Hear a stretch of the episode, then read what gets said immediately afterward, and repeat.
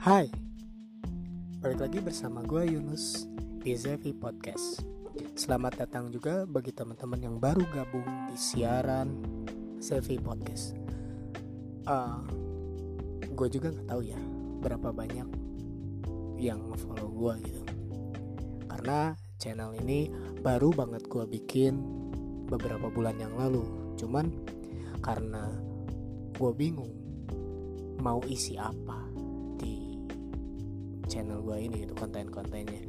Karena uh, soalnya kan udah banyak gitu konten-konten horor konten-konten menceritakan tentang kegalauan atau tentang kehidupan sosial lah intinya. Yang menarik banget dibawakan oleh teman-teman podcaster lainnya. Nah, sedangkan gue di sini bingung mau cari konten apa lagi gitu. Atau mau menceritakan apa lagi. Tapi sebelumnya gue mau ingetin eh mau ingetin dulu kepada teman-teman semua untuk follow dulu channel Zevi Podcast ini. Karena kalau nggak di follow ya inspirasi yang akan gue sampaikan yang akan gue tayangkan di siaran ini. Dari mana lagi coba? Oke. Okay. makasih ya kalau udah follow. Nah hari ini gue akan bercerita berbagi cerita tentang satu kisah. Nggak kisah juga sih tapi berbagi pengalaman aja kali ya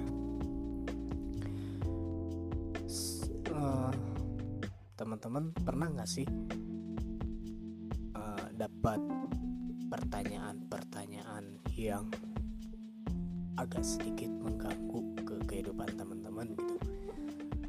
Kayak misalnya yang akan sekarang gua bahas pertanyaan kenapa belum menikah?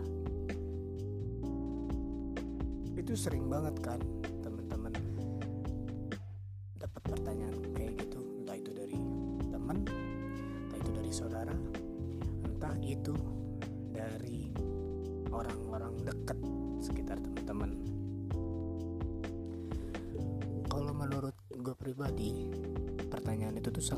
sangat sekali mengganggu gitu.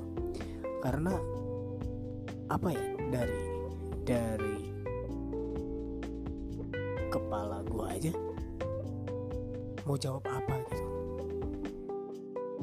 Soalnya di juga nggak ada gitu um, pemikiran untuk ke sana dulu gitu.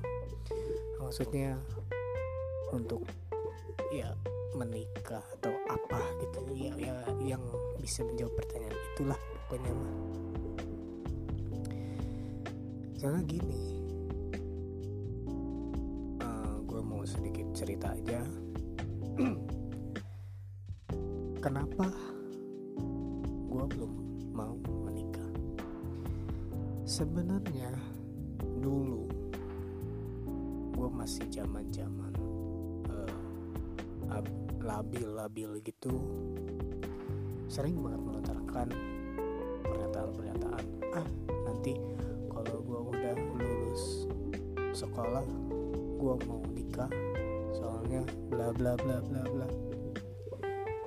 Mungkin dalam pikiran gue itu wah kayaknya indah banget ya kalau misalkan kita oh, kalau misalkan gue bisa menikah terus berkeluarga punya anak selesai gitu urusannya. Tapi semakin ke sini semakin gue berpikir ya mikir lah ternyata nggak semudah itu gitu. Nggak semudah yang ditayangkan oleh film-film Disney atau ya film-film yang akhirnya tiba-tiba bahagia gitu. Sangat singkat sekali. Dan juga mempunyai rasa takut dari kata nikah itu sendiri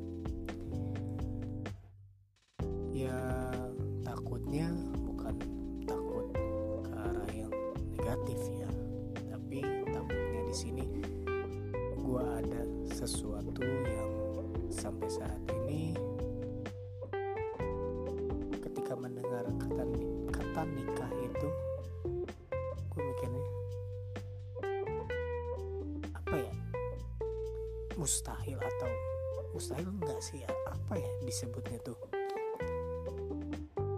Ngeri aja gitu. Ya ngeri. Karena ada ada cerita tertentu yang membuat gue ini saat mendengar kata nikah itu ngeri aja gitu. Nah emang sih uh, semua itu dari pengalaman gue yang gue lihat yang gue rasakan. Dan uh, kenapa sampai saat ini belum mau yang namanya menikah? Padahal teman-teman gue sekarang yang udah punya dua anak mau anak yang ketiga anak yang keempat. Iya sih dilihat dari postingannya menarik gitu. Uh, bahagia. Bisa jalan-jalan ya kan? Sama anaknya. Terus pulang ke rumah disambut kan? Sama anaknya sama istrinya. Tapi kalau pemikiran gue nggak nggak sampai ke sana itu tadi. Gue masih berpikir nikah itu adalah salah satu kata yang paling ngeri yang ada di dalam kepala gue mungkin ya juga kenapa ya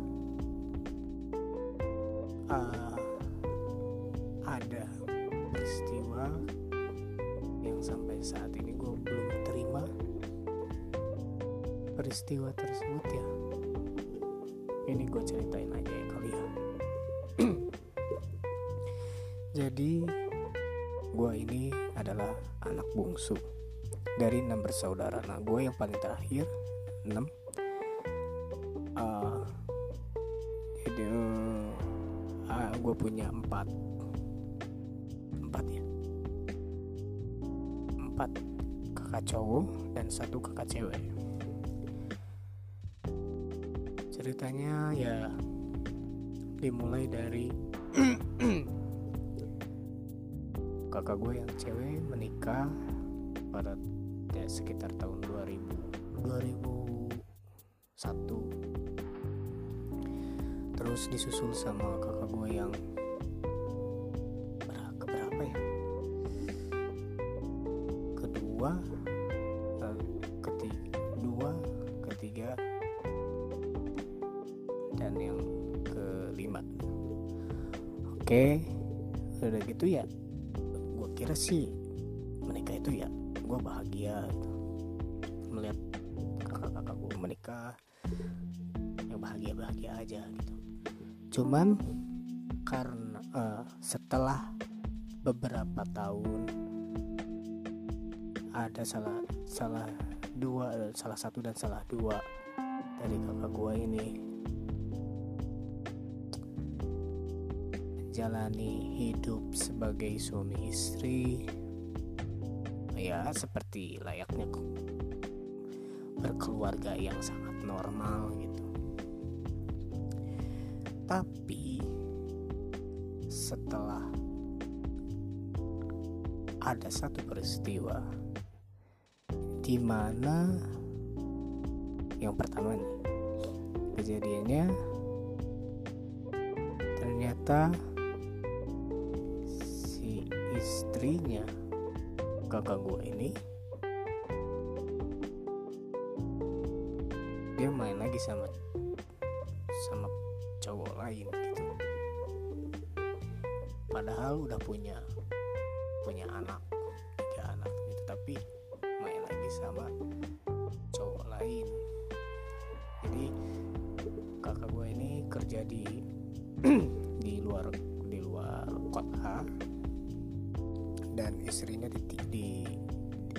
stay di Bandung. Kan ya selama kerja itu paling kakak gue datangnya dua bulan sekali. Itu juga di rumah dua minggu atau paling lama se sebulan gitu. Sampai-sampai temannya kakak gue itu curiga uh, sama istrinya ternyata dia main lagi sama cowok lain gitu. Dan pada akhirnya ketahuan lah sama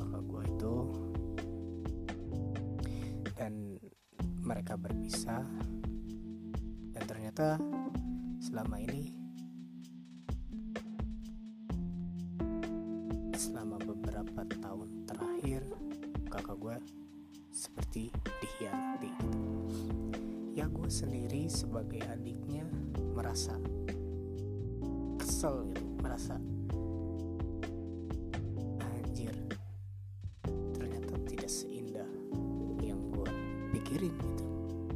Menikah itu. Nah dari situ itu itu baru satu cerita. Ya cerita yang kedua.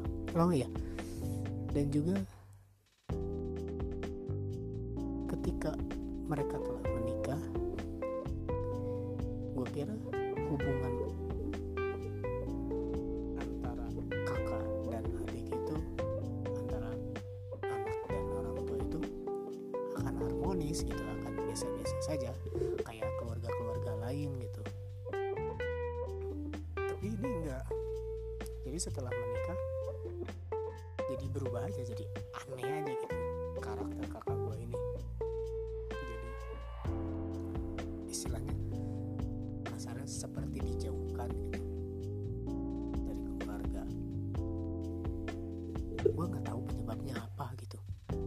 banyak orang yang bilang kakak gue dipelet lah inilah itulah.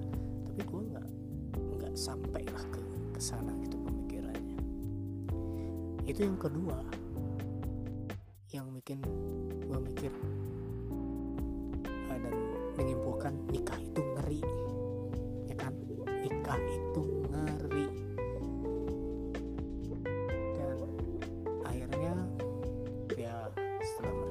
berpisah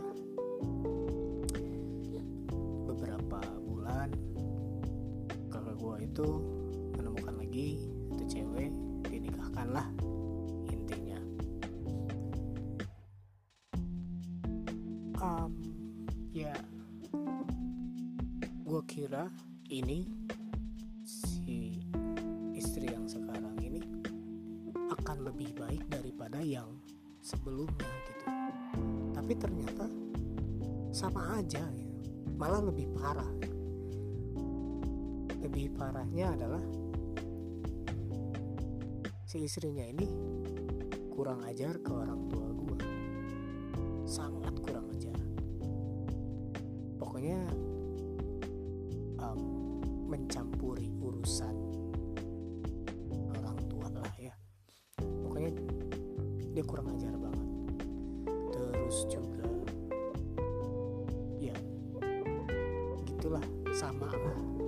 sama yang pertama. Nah itu alasan ketiga kenapa nikah itu sama dengan ngeri. Uh, cerita lainnya di kakak gue yang kakak gue yang agak tua dikit. Uh, itu juga nikah sama yang awal yang pertama gitu bagus baik-baik aja gitu. Cuman dapat mertua yang uh, apa ya mencampuri urusan rumah tangga lu. Ah, maksudnya mencampuri urusan rumah tangga kakak gua gitu. Risih nggak sih kalau misalkan mertua mencampuri urusan rumah tangga risih kan. Apalagi sampai yang namanya mendikte ini harus begini ini harus begini ini harus begini. Nah itu alasan gue yang keempat. Yang mana nikah itu sama dengan ngeri. Itu ngeri banget. Terus juga uh,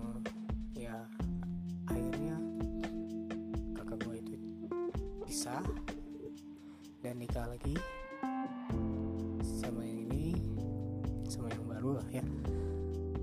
Um, ya lumayan agak baik sih. Cuman karena mulutnya tidak bisa direm jadi perkataannya tuh membuat sakit hati sedikit kasar bahasanya. Dan sedikit kurang ajar yang ini gitu. Ya rata-rata sih dari kedua kakak ini um, kurang ajar ke ke orang tua gitu. Menantu ini kurang ajar ke orang tua. Berani-beraninya mencampuri urusan orang tua terus mendikte orang tua terus juga uh, menyebarkan kabar yang tidak bisa dipertanggungjawabkan ke orang lain tentang orang tua. Padahal itu itu tuh mertuanya. Itu kurang ajar banget. Nah di sini alasan selanjutnya ini. Itu ngeri banget. Kalau misalkan gue gue salah milih orang yang gue takutin itu. Ya kalau misalkan ke gue sayang. Tapi ke keluarga gue sayang nggak? Ke orang tua gue ke keponakan keponakan gue ke kakak kakak gue. Terima nggak mereka di situ sedikit takut aja. Itu ketakutan terbesar dan itulah alasan kenapa nikah itu mengerikan. Menurut gua gua pribadi ya. Ya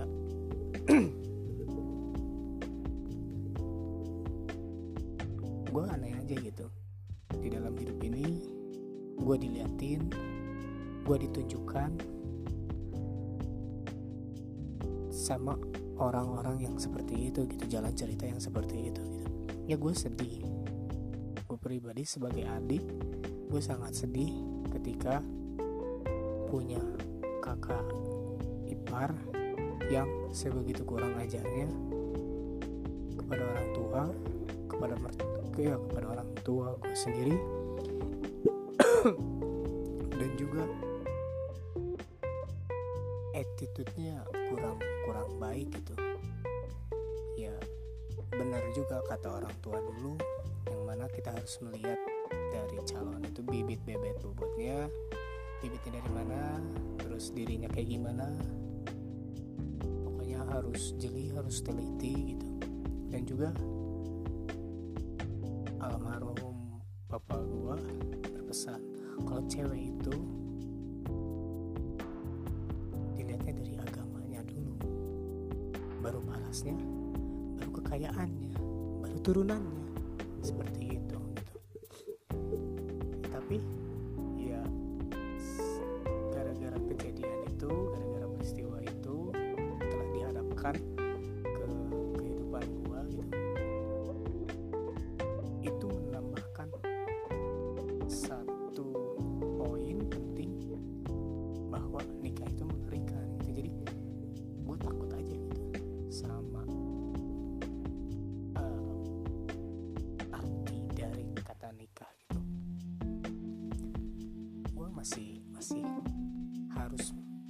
mikir berapa kali gitu.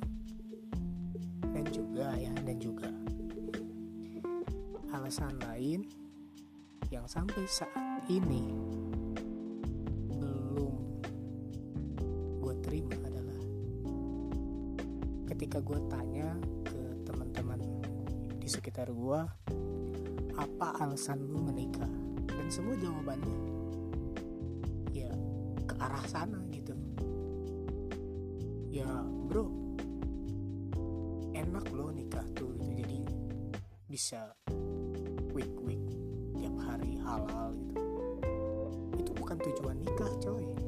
itu bukan tujuan nikah itu tujuan nafsu lu kalau menurut gue pribadi gitu. Itu gue bilang ke teman-teman gue gitu yang udah nikah gitu. Terus tujuan lu tujuan sebenarnya menikah apa? Ya biar biar sah aja di mata agama. Ya berarti lu balik lagi ke sana ke arah sana gitu. Ya biar gimana gitu. Jadi apa ya?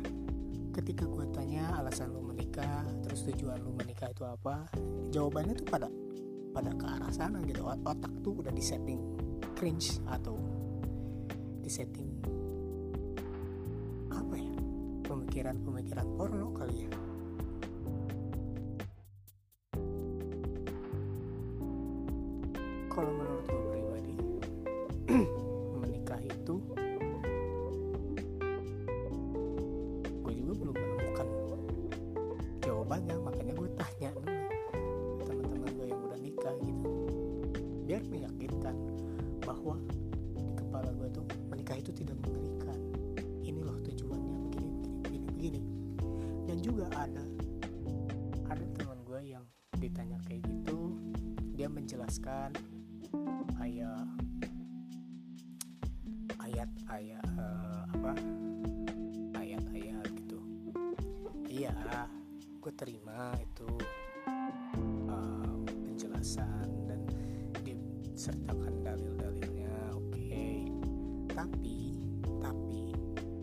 tujuan lu nikah apa?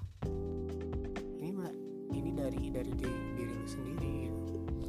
dan mereka jawabannya muter-muter sampai gue ngantuk ngedengerinnya gue ngantuk. Soalnya begini ketika teman-teman gue udah menikah dan mereka udah punya teman eh udah punya teman. Salah maksudnya udah punya anak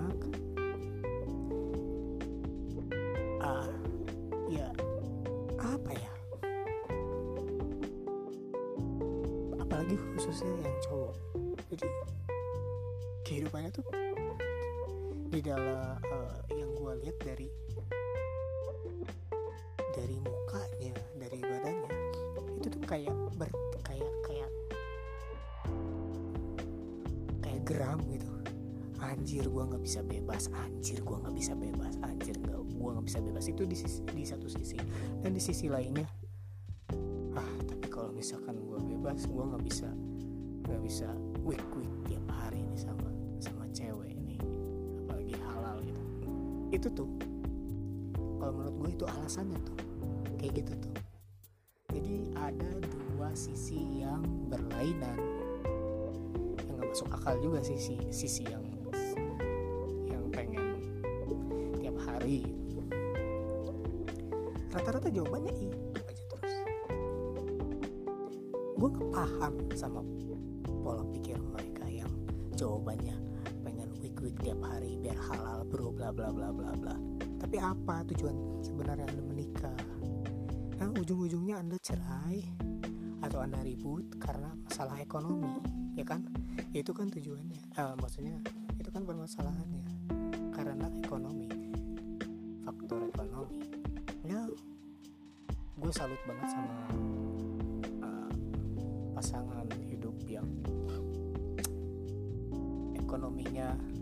pas-pasan berkecukupan maksudnya atau kekurangan ekonominya tapi masih bisa bertahan sampai sekarang. Itu gue salut banget. Beda gitu pasangan muda sama pasangan yang dulu-dulu gitu. Kalau pasangan sekarang nggak ada kabar sedikit. Dicarinya itu ya ampun galaunya terus adat-adatannya terus ya rudat lah kalau kata orang Sunda mah. Sampai-sampai gara-gara itu jadi setannya itu lebih kuat gitu. WhatsApp cuma diri doang sama suaminya atau ya gitulah pokoknya setannya lebih kuat ketimbang pasangan yang zaman dulu yang masih awet sampai sekarang. Ya buktinya emak gua aja yang ditinggal pergi ke negeri orang sama bapak gua. Selama ya berbulan-bulan gak ada tuh yang namanya rungsing rudet atau apa gitu. Dan pada akhirnya kan emak gue nyusulin nyusul bapak gue kan ke sana dan ya kangen-kangenan lah ala ala pasangan tua zaman dulu. Paling lagunya Andy Williams atau apa gitu. Ini sekarang gue balik lagi. Kalau menurut teman-teman yang udah menikah nih ya coba jelasin apa alasan kalian menikah. Tapi jangan jauh jangan dijawab pakai alasan karena pengen week week setiap hari. Karena ya pokoknya ke arah sana gitu. Gue benci banget sama pernyataan itu. Kalau misalkan lu pengen ya udahlah nggak usah dibahas juga. Tapi ini didengar sama 18 ke bawah. Uh, apa lagi ya? Oh iya ada satu peristiwa lagi yang bikin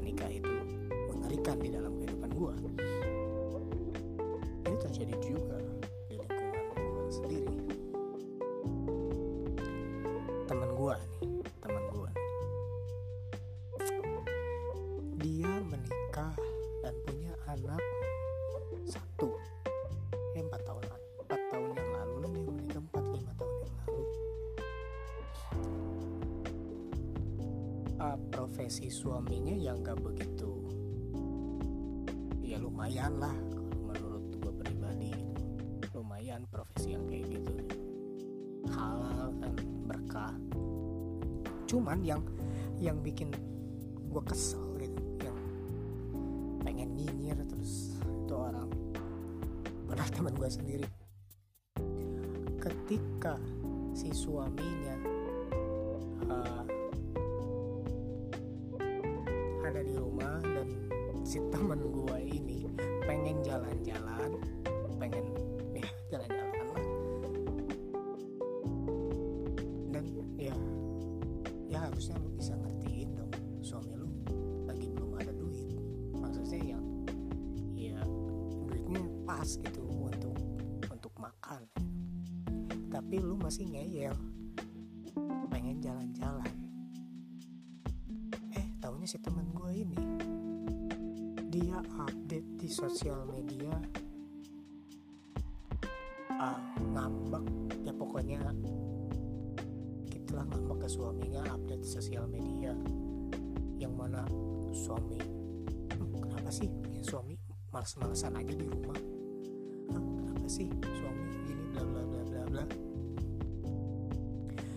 padahal lu tahu sendiri kan profesi suami lu itu kayak gitu itu gitu. Gue nggak mau sebutin profesinya ya tapi yang gue fokusin adalah karakter lu nya karakter lu nya ini gue gue harus gue nyinyir gue omongin lu ya. Karakter lu nya nah tapi ketika lu diajak main sama suami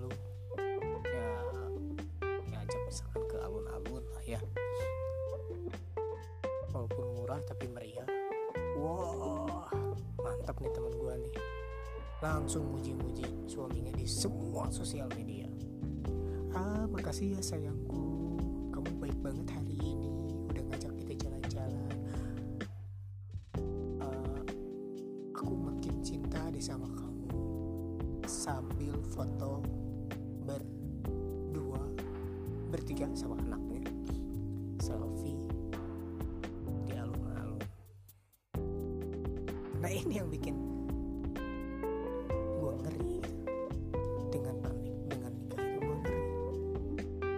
misalkan ah gue dapet yang kayak gitu males gue ya sih? Kalau coba dari teman-teman apa sih alasannya? Alasan yang jelas yang bikin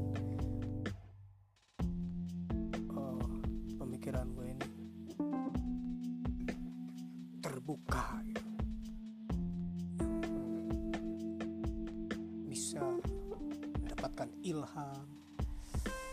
Pokoknya yang bikin gue takjub alasan-alasannya. Coba tolong kasih tahu teman-teman bagi teman-teman yang udah nikah ya. Yang masuk akal deh. Alasannya yang masuk akal. Yang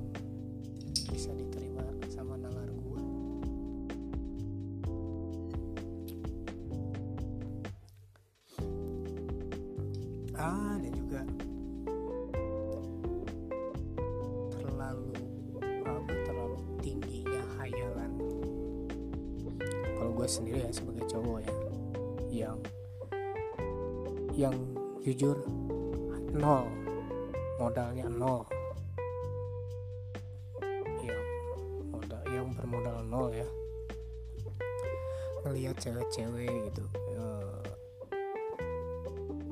hayalannya terlalu tinggi. Yang aku tuh aku tuh pengen deh cowok yang kriterianya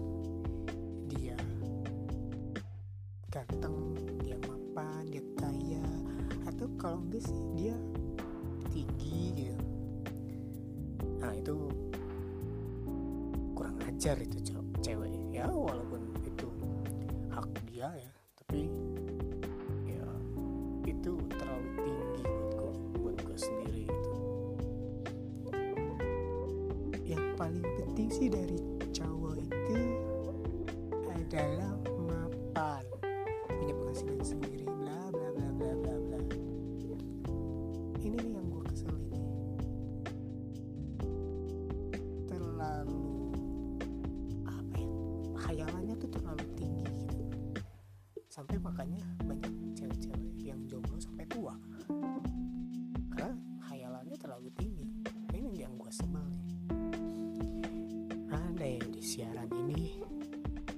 kayaknya gue bukan cerita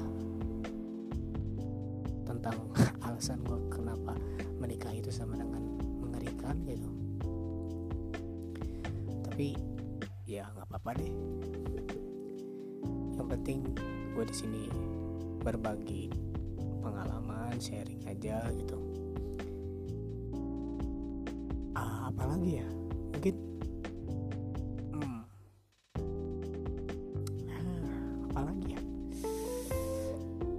misalkan pembahasan seperti ini ini sangat menarik sekali gitu. Tapi kalau misalkan sendiri kurang apa ya inspirasinya tuh kurang dapat gitu. Kalau bisa gue siaran collab sama podcaster lain mungkin gitu. Ya siapa siapa tahu ada yang mau gitu. Siaran bareng sama gue gitu tentang menikah itu sama dengan mengerikan tanda tanya itu judulnya bagus tuh. Gitu ya. Hmm. Apalagi ya? Sebenarnya banyak sih alasan-alasan kenapa menikah itu dengan mengerikan. Tapi karena uh, gua hanya memfokuskan kepada poin-poin yang tadi gua share di sini tuh agak sedikit buyar gitu berpencar jadi harus gua harus mengumpulkan lagi.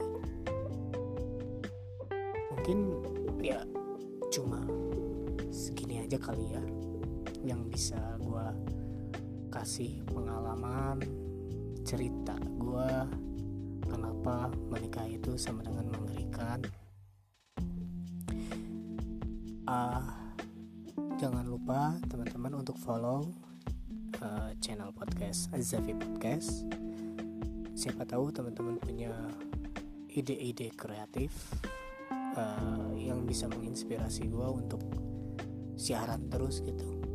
Untuk gue terus muncul di podcast apalagi sampai trending ya enggak ya walaupun peralatan gue sederhana cuma mic biasa dan dengan handphone kadarnya tapi karena di sini gue ingin berbagi pengalaman dan bibir gue ini pengen terus ngomong gitu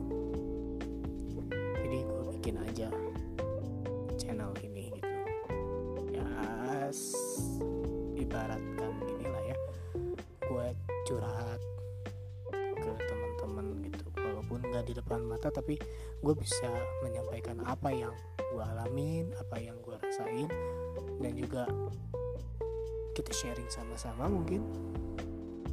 Karena gue ini tipe orang yang storyteller gitu. Jadi orang yang sangat mau menceritakan sesuatu yang gue rasa menarik. Dan juga ya teman-teman menarik juga gitu makanya follow dong ini Zevi Podcast. Follow. Terus jangan lupa ini bisa di like nggak ya? Soalnya gue nggak tahu nih. Di Spotify ini bisa di like apa enggaknya? Ya pokoknya di follow di like di share terus jangan lupa komen. Karena ya banyak karena aja sih gue udahlah pokoknya gitu aja sampai jumpa teman-teman. Dadah